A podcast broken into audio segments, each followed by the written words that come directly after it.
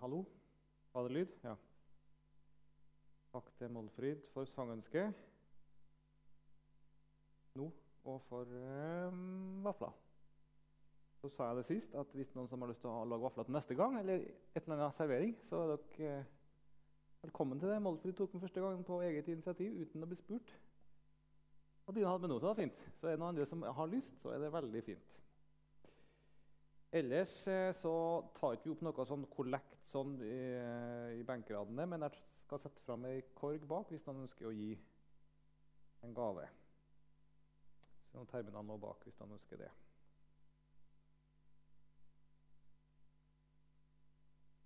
Vi fortsetter, og så ber vi sammen.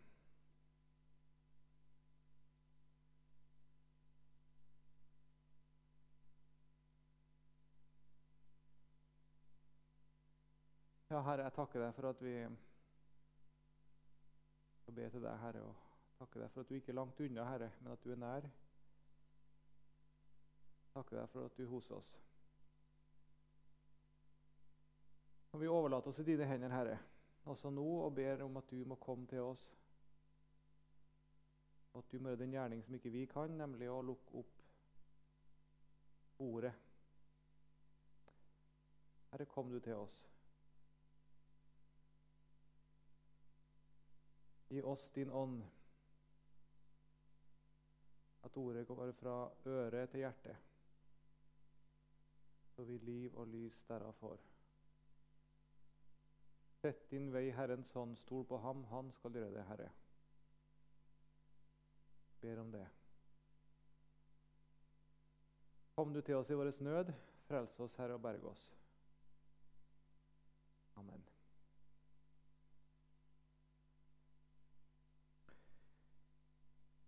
Så skal vi nå til kapittel 11 i Hosea-boka. Og det er kanskje et av de dristigste kapitlene i Bibelen. Og budskapet er så overraskende i forhold til det som er sagt før. For husk altså, Gud taler nå til et folk som har vendt han ryggen. Og som har vendt seg til avguderi, hor, drap, og som utnytter Gud på det verste over mange, mange hundre år. Det er i den sammenheng altså Gud nå snakker, og det er til det folket Gud nå snakker.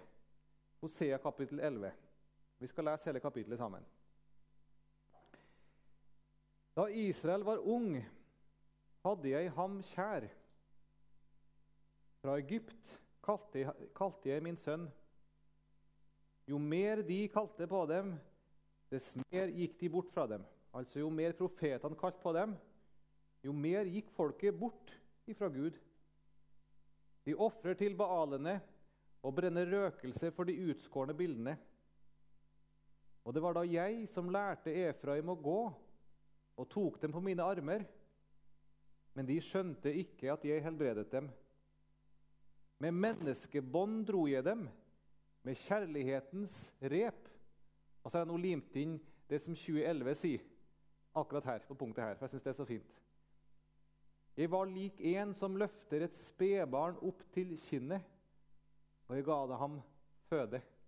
Det står helt annerledes i 88, men det er en fin setning.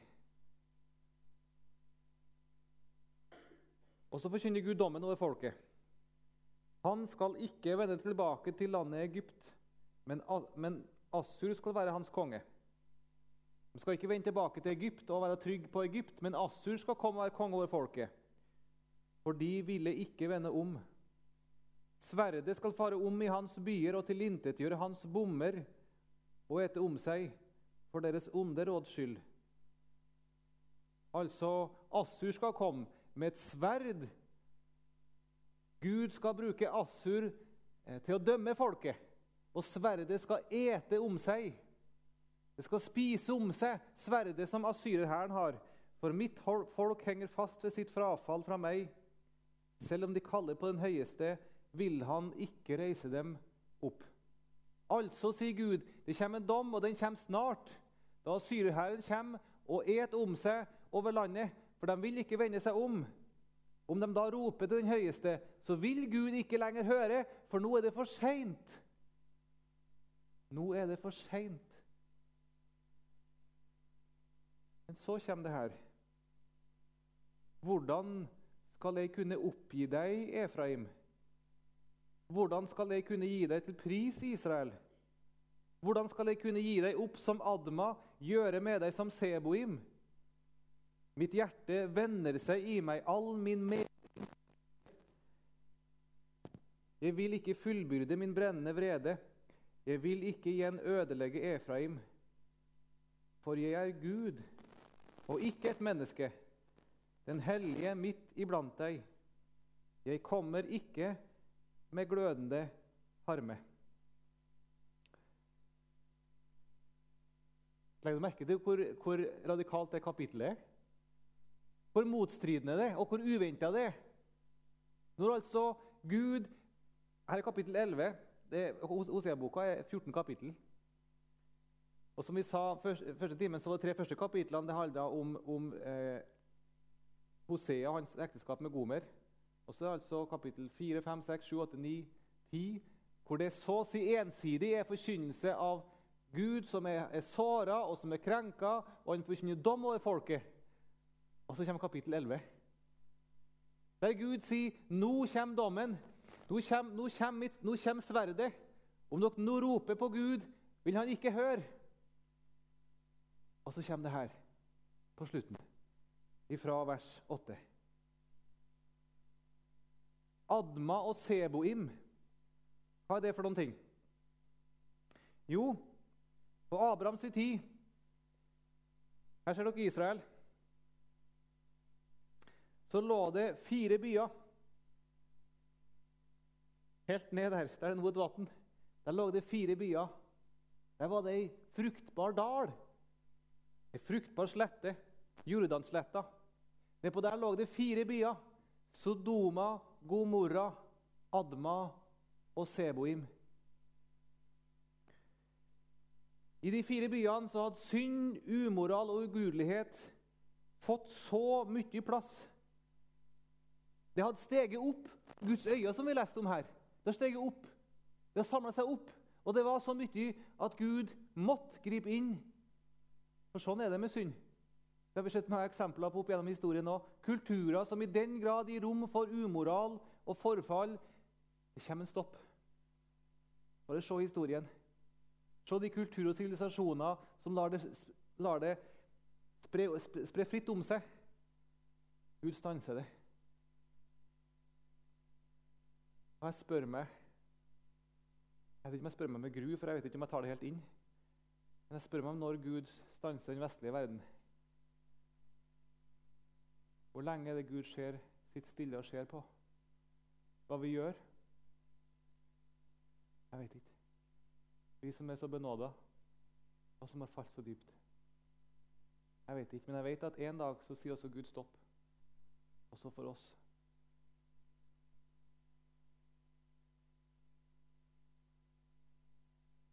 Gud lot det regne ild og svovel. Og nå ligger Dødehavet der som et vitnesbyrd om at det kommer en dag hvor syndet har nådd sitt mål, og god Gud sier nå er det nok. Nå er min tålmodighet slutt. Her drar turistene og bader og hopper i det. Ja, de kommer kanskje ikke så dypt, da, men de svømmer og koser seg. Og så er det et levende vitnesbyrd om det kommer en dag Det er ikke bare nåde, nåde, nåde, nåde, nåde. nåde. Nei, det kommer en dag hvor det er slutt. For Gud faktisk setter en strek.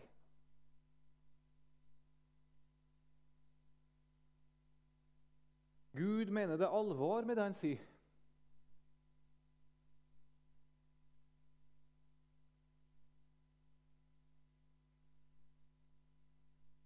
Og Så sier altså Gud her Hvordan skal jeg kunne oppgi deg, Efraim? Hvordan skulle, skulle, jeg kunne oppgi, skulle kunne gi deg til pris, Israel?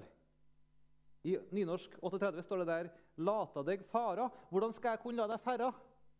Hvordan skal jeg kunne gi deg opp som Adma, gjøre med deg som Seboim? Hvordan skal jeg kunne gjøre med deg som jeg gjorde med disse byene, og la bare dommen komme, og dommen være det siste ord? Hvordan skal jeg kunne gjøre det? Mitt hjerte vender seg i meg, all min medynk våkner. Ser du nå? Nå står Gud altså der på trappa. Nå er det like før dommen forkynnes. Og når dommen forkynnes, så tenker Gud over hva som skjer her nå. Hva skjer med min skapning, dem jeg elsker? Nå har jeg holdt på i så mange hundre år og prøvd og prøvd, og prøvd, men det blir bare verre og verre.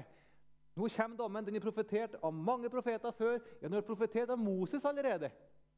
Når jeg tok folket ut, så sa jeg at hvis dere vender dere bort ifra meg, så kommer dommen. Og Det ble gjentatt og gjentatt og gjentatt. Og gjentatt og gjentatt. Og nå er, nå er det like før, sier Gud. Nå forkynner jeg det igjen for siste gang. Og da ser Gud inn i konsekvensene. Og da sier han, 'Hvordan skal jeg kunne gjøre det?' Hvordan skal jeg kunne gjøre det, sier Gud. All min medynk våkner. Ser du Guds hjerte? Er Gud hard? En streng? Medynk våkner. Det er så det våkner opp noen ting hos Gud når han ser inn i dommen.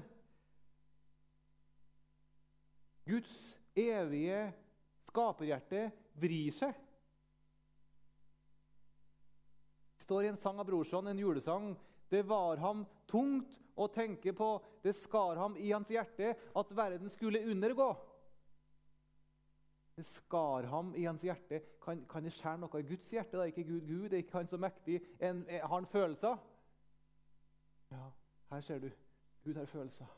Det er som du ser for deg en kniv som stikkes inn i Guds hjerte, og så vris det om. Det skjærer i Guds hjerte. Hans medink våkner. På engelsk står det her med, eller medink, da, det er medlidenhet, barmhjertighet. På engelsk står det her 'min medfølelse flammer opp'. Eller 'min medfølelse vokser varm og øm'. Ser du Guds hjerte? Nå altså begynner du å se helt inn i nerven her, helt inn i sentrum i Guds hjerte. Hans medfølelse vokser varm og øm. Er det lett for Gud å dømme? Er det enkelt for Gud, det? Er det enkelt for Gud å bare, bare straffe? Er det lett, det? Hvem er det som sier at det er lett? Det er djevelen, det. Han lager et bilde av Gud som hard og sint og vanskelig. Ser du hvordan det kjemper i Guds hjerte?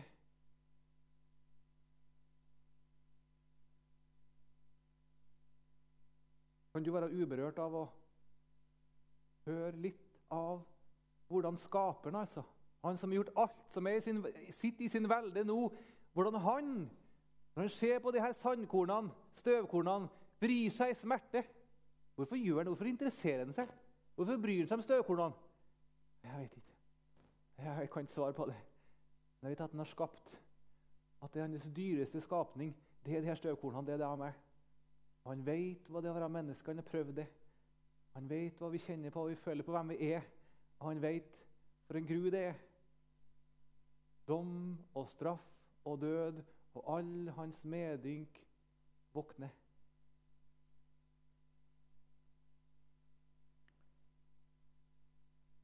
Jeg tror det er få plasser i Bibelen jeg i den grad ser inn i Guds kjempende hjerte som akkurat her i Hosea 11. All min medynk våkner. Og Hvis du streker din hybel, så sett en strek. Så spør du deg når du lurer på hvordan Gud er, så ser du der. All min medynk våkner. Så må du huske på da at slik kjemper Guds hjerte om hvert eneste menneske. Han våkner. Hans medlidenhet vokser øm og varm. Hvert eneste menneske som er på vei mot dom og død og fortapelse. Tar jeg for, tar jeg for stor ord i min munn nå? Gjør jeg det? Jeg vil ikke se det. Jeg tror det er helt bibelsk, og jeg tror det er helt rett. Hvert eneste menneske vokser Guds hjerte seg øm og varmt i møte med dom og død og smerte. Hvor mye smerte og lidelse Gud må ha. Alle mennesker som går imot fortapelse og død, er Gud likegyldig. En kall syns han ikke det gjør noen ting. Det var 100 der og 1000 der. og... Nei, jeg møter en Gud som lir i smerte.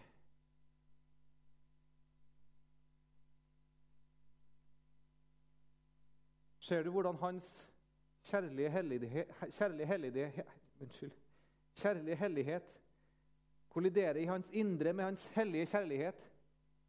Og da våkner hans medlidenhet. Når dommen er igjen, og han i dommens konsekvenser, så sier han nei. Jeg klarer det ikke. Var Gud et menneske, så hadde han gjort kort prosess. Men jeg er ikke et menneske, sier han. Jeg er Gud. Jeg klarer ikke å gjøre kort prosess. For jeg er Gud og ikke et menneske. Jeg kan ikke la den fortjente dom være siste ord. Han makter det ikke. Han er kjærlighetens Gud. Men hva skal Gud gjøre? Ser du hvordan Gud er i dilemma? Hvordan han kjemper, han ikke vet hva han skal gjøre? For Kjærligheten sier 'jeg kan ikke'. Men samtidig så sier kjærligheten og nidkjærheten og helligheten Jeg må gå min vei. Så er han fortvila. Hva er det Gud gjør? Det er umulig å si Det er umulig å svare på hva han gjør uten å si hva er han gjør. Han finner en annen en. Han finner sin sønn og han finner da dypest sett seg sjøl.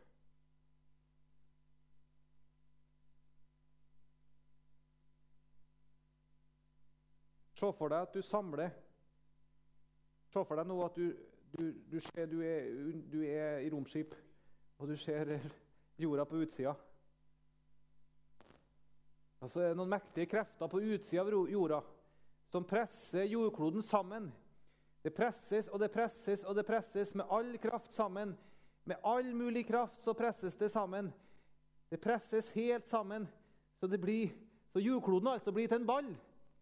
Ja, Det er tyngde over. Det er mye masse. Det er tungt. Og Så ser du for deg der at du står med en ryggsekk. Og Så ser vi for oss at ryggen holder, og at sekken holder. Og Så legger du denne fotballen oppi, oppi sekken din. Og så sier du at du skal gå. Hvor langt kommer du? Du kommer ikke noe langt.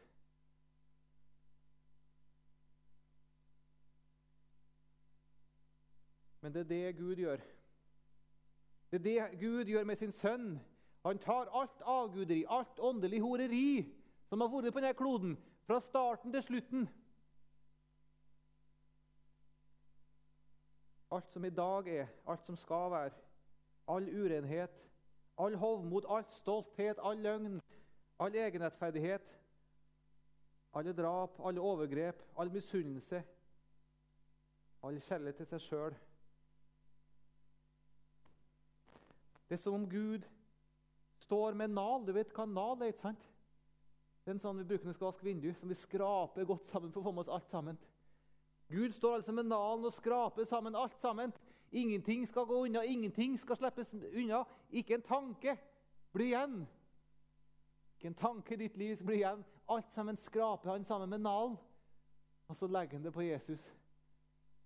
Og så øser han frukten av all sin sårede, krenka kjærlighet. All sin vrede øses ut over sønnen. Men han ble såret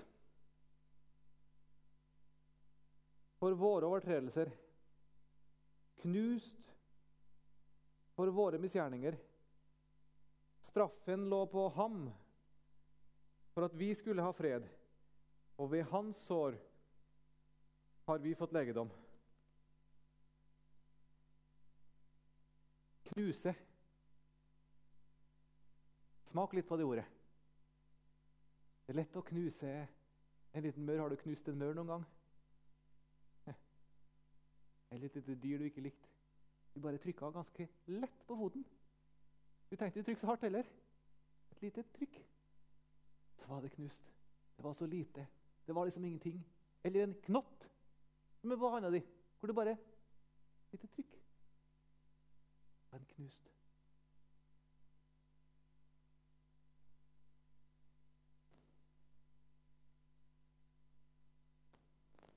Jesus han var alltid den trygge. I møte med stormen på Genesaretsjøen, der disiplene er redd for at de skal gå under, så er Jesus ikke redd, men står, står trygt opp og formaner vinden og stormen og blir stille. Eller når de skulle steine Jesus og putte den utenfor, dytte den utafor pynten. Og Jesus er ikke redd, men snur seg og går fast og sikkert i motsatt vei. og De må, de må vike, de må gå til sides. Når Jesus kommer, han er ikke redd. Og I møte med det største onde, nemlig djevelen, det største onde Tenk hvis du har møtt djevelen i egen skikkelse. Tenk. Jesus møtte djevelen. Han var ikke redd. Men formante ham strengt å gå sin vei. Men gjennom sitt liv så frykter Jesus noe. Og han sier, 'Men en dåp har jeg å døpes med, og hvor jeg gruer til den er fullført.' Og han sier det i påskeuka, 'Nå er min sjel fylt av angst.' Hva skal jeg si? Far, frels meg fra denne time. Men nei, derfor er jeg jo kommet til denne time. En sjel er fylt av angst. En er fylt av angst. Han som aldri var redd. Han som alltid var trygg. Han som alltid var rolig. Nå sier han, 'Jeg er fylt av angst'. Og så sier han, 'Min sjel er bedrøvet inntil døden'. Ja, bibelspråk kan av og til være litt tenke litt for fine, tenker jeg. Tror dere Jesus sa det? 'Jeg er bedrøvet inntil døden'. Jeg vet ikke hva Jesus ville ha sagt. På trøndersk skulle det kanskje ha lydd som så at jeg er dødsredd. Jeg er dødsredd. Kanskje ville det ha blitt det på trøndersk. Jeg vet ikke. Jesus. Har du sett sånne vakre Getsemane-bilder? Lys og stemning, og Jesus finner seg en fin stein og kneler fint ned. og Lyset faller så fint over den, og det er en fin glorie over. Er det ikke idyllisk? Er det ikke vakkert? Var det sånn? Han slet seg fra dem omtrent så langt som et steinkast. Hvor langt er et steinkast? I dag så prøvde jeg å kaste en stein, og så målte jeg opp. Jeg vet ikke hvor langt det å kaste. Jeg kom kanskje ikke så langt. Men jeg følte at et steinkast var ganske kort. Det fant jeg til i dag. Det var faktisk ikke langt. Jeg gikk ikke langt unna dem. Ser du for deg Jesus der han går gikk en 50, Kan du klare å kaste 50 meter? Skal vi si 50 meter, da, for å runde av litt. 50 meter inn i skogen. Setter han seg fint ned der etter en fin stein som var, lå akkurat passelig til, og der bøyer han kne. Nei. Der faller han sammen i angst. Han faller ned mot jorda, hele kroppen faller ned mot jorda. Ettersom kropp, kropp, kampen stiger i styrke, knuger han ansiktet helt ned mot jorden. Hele vår frelsers legeme er grepet av den dype angst. Bøyd like ned i støvet kjempet han i sin bønn. Har du hatt angst? Om jeg kan si at angst kanskje litt, Jeg kanskje har smakt litt av angst. Men Jeg var redd mange ganger. Men angst er et sterkt uttrykk. det. Men den som har hatt angst, han vet hva det er. Og Jesus vet hva det er angst. Han har erfart angst mer enn noen andre. Og han kom i dødsangst og ba enda mer inntrengende. Og svetten hans ble som bloddråper som falt ned på jorden. Ser du for deg Jesus? Han ber inntrengende, kommer i dødsangst. Og ikke sånn angst at han bare blir redd. Og ikke bare angst at han svetter. Det var jo kaldt denne natta. Men så han svetter bloddråper. Og ikke bare så vidt en dråpe som pipler ut. Det står at det falt bloddråper ned på jorda. Det vil si at det måtte komme mange dråper ned. At det måtte renne blod som til slutt detter ned på bakken. Fatter du og begriper du hva det her er? Forstår du hva slags angst det her er? Det er mange som har lidd en grufull død. Det er mange som har blitt pina. Forstår du hva det her er? En annen enn en pine. Det er en dødsangst. Det er en redsel. Det er en gru som er så stor.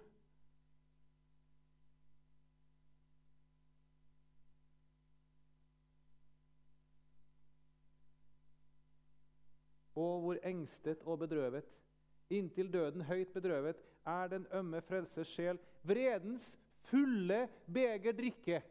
Må han, skal han, ellers ikke, blir hans frelseskalk min del. Vredens fulle beger må han drikke. Alt er samla opp med nalen og putta i en vredens beger. Nå skal du, min sønn, drikke hele den evige skaper og Guds vrede og såra og krenka kjærlighet. Du, sønn, du skal drikke det.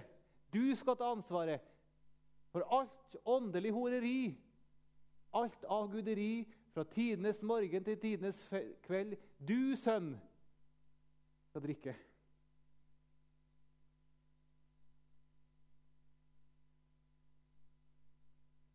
Kanskje noen har dere sett The Passion nå, i filmen om Jesu lidelse, som er veldig sånn utmalende. Men det er ikke det Jesus har angst for.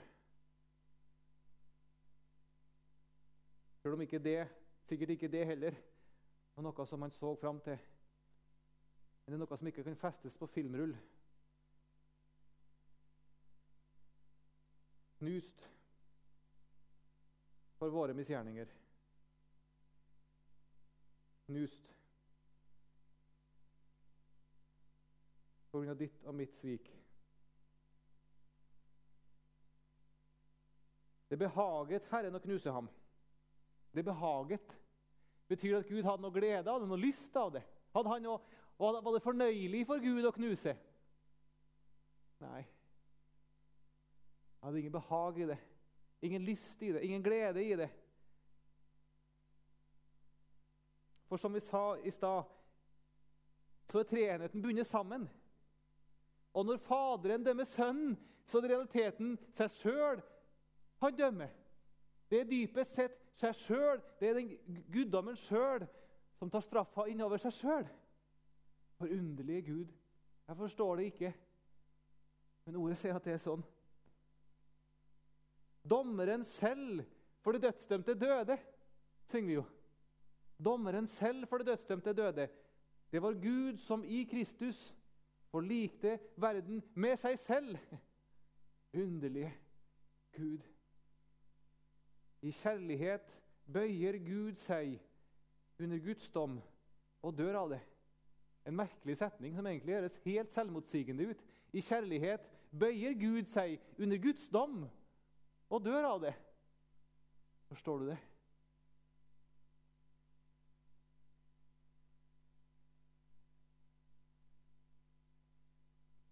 Han hadde så visst ikke fortjent straffa, men heller det enn at du skulle bli knust under hans hellighet. Han sier, 'Jeg gjør det heller sjøl enn at min skapning skal dø eller skal bære konsekvensene av deres, deres synd og deres utroskap. Jeg tar det heller sjøl.' Det er det Gud sier. For Gud kan ikke bare skubbe det hele under teppet. Det strider imot hans hellige kjærlighet. Og ikke bare mot helligheten, men også mot hans kjærlighet. Derfor må vreden utøses et sted. Det må et rettferdig oppgjør til for å få et forlik. Altså sant Gud er Gud, så må det skje. Dommen er uunngåelig. Dommen er uunngåelig. Men Guds kjærlighet opphever ikke hans hellighet. Heller ikke dommen og straffen. Guds kjærlighet opphever ikke hans hellighet. Heller ikke dommen og straffen. Guds brennende vrede slukker ikke ut kjærligheten. Men kjærligheten seirer igjennom dommen. Kjærligheten seirer gjennom dom. Og korset er det synlige tegnet på det her. Korset forkynner oss og forteller oss to ting som, like, som, skjer samtidig, og to ting som vår frelse. Det ene, kors, ene, ene bjelken er den vertikale. Den forteller oss og forkynner oss at Guds vrede det rammer Sønnen. Det rammer Sønnen. Guds fortjente vrede over deg og meg, det rammer Sønnen, som ovenfra og ned. Det er vertikal. Horisontal? Nei, vertikal er vertikal, ja. Unnskyld. Og det horisontale bjelken forteller at da kan også far, da kan også Gud, da kan også Jesus favne deg og favne meg. Så ser du korset fortelle oss både hans hellighet og hans kjærlighet det møtes på Golgata. Og så kan han favne, og så kan han elske.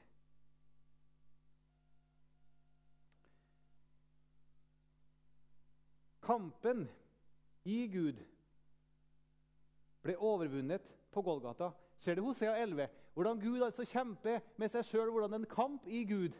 En, en, kamp som ikke løses. Der i Hosea 11. Det løses egentlig ikke i Hoseas bok. Hvis du leser hele Hosea, så du du, finner egentlig ikke noen løsning på kampen i Gud. Nei, for Hosea og det skal vi se senere, Hosea egentlig peker framover. Og som vi sa første timen, hvordan, hvordan Jesus utlegger for disiplene. Og så sier han til disiplene vandrerne, ser dere ikke at alt det som står skrevet, er skrevet om meg? Hoseas bok så ser du det samme. Det løses ikke der i Hosea. Kampen løses ikke, men det løses på Golgata. Kampen i Gud ble overvunnet på Golgata.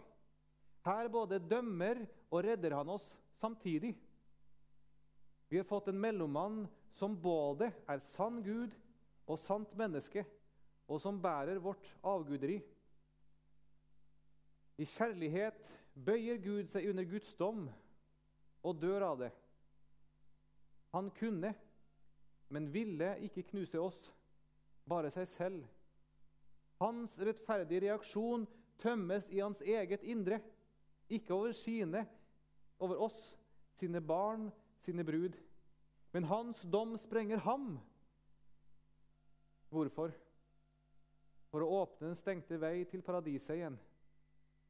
Da hans hjerte ble knust for oss, vår synd, ble døren inn til hans favn åpnet.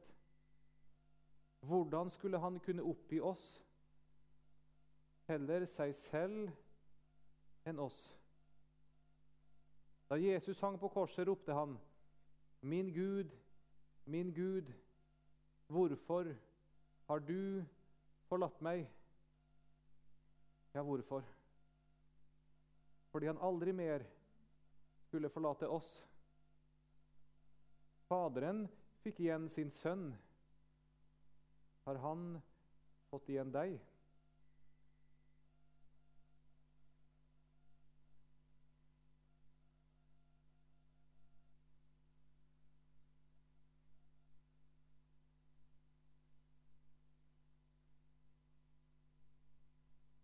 Skal vi be?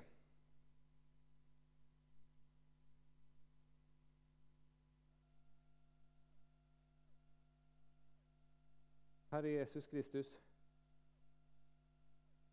jeg ser så lite inn i hva det kosta deg, Herre. Jeg bare aner noen ting. Men jeg takker deg, Herre Jesus Kristus, for at ditt ord det forkynner meg at det du gjorde, det var nok. Jeg takker deg, Herre Jesus Kristus, for at du tok alt med deg på korset. Hver en tanke, hver et støvfnugg tok du med. Så bar du det, Herre. Og så tok du det bort. Herre Jesus Kristus. Jeg takker deg for at ingenting ligger på meg lenger, Herre.